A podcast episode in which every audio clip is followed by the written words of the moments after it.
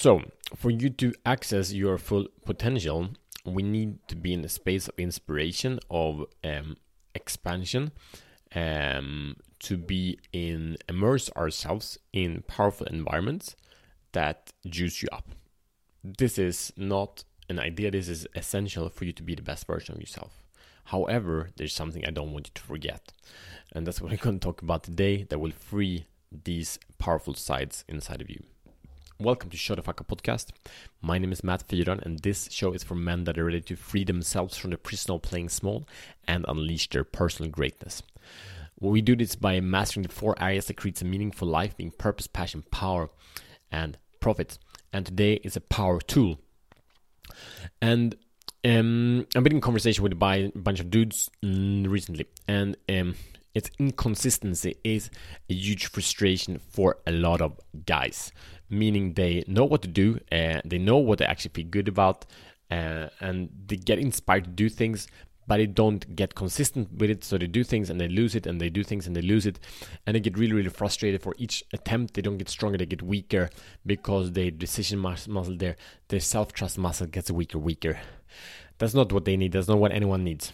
So we need to fix this. We need to, to charge this up. We need to create a different frame where this is impossible to create these results. So, uh, how do we do this? Um, okay, that's the secret. And the secret is that we need to practice consistency.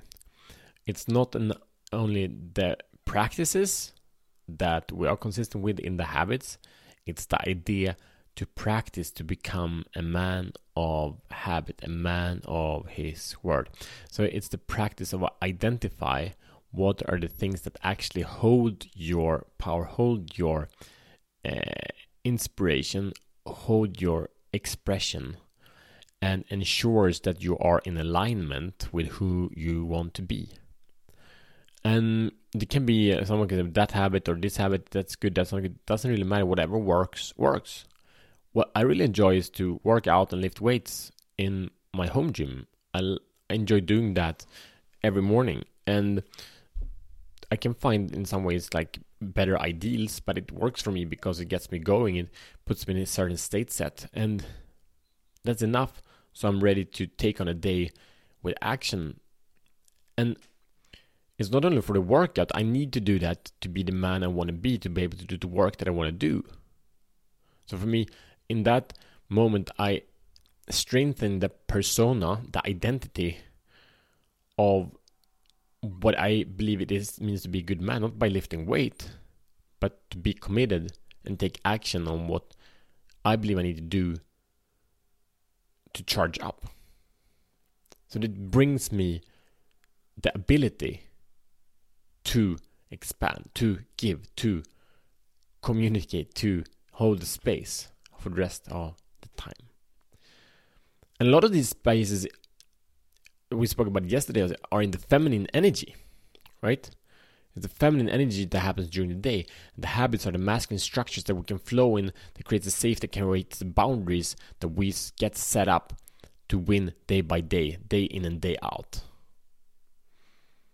And that is not a desire, it's an essential part so if you identify who you want to be and identify what you need to do to become that, and if we have small, small habits, it can take one to 30 to an hour, definitely not more. It's definitely no matter your schedule, you can do it. I spoke to man this week, he committed to do uh, like three minutes of workout.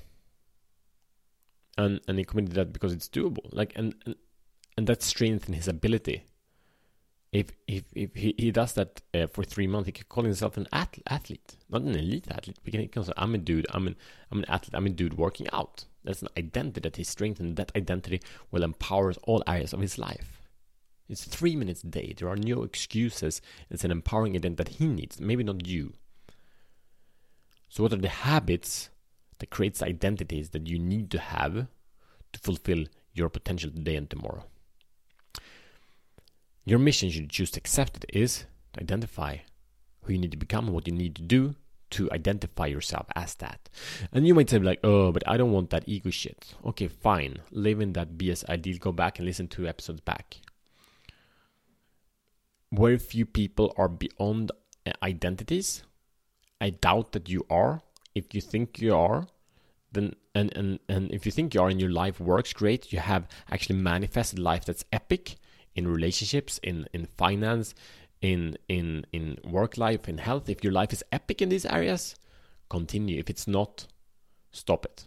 Because you're bullshitting yourself, lying to yourself, you believe an ideal that doesn't serve you because someone else told you. Find your truth instead. Find your truth of how who you want to be. Again, not from an, an image, but from who you actually are from the core. There are answers.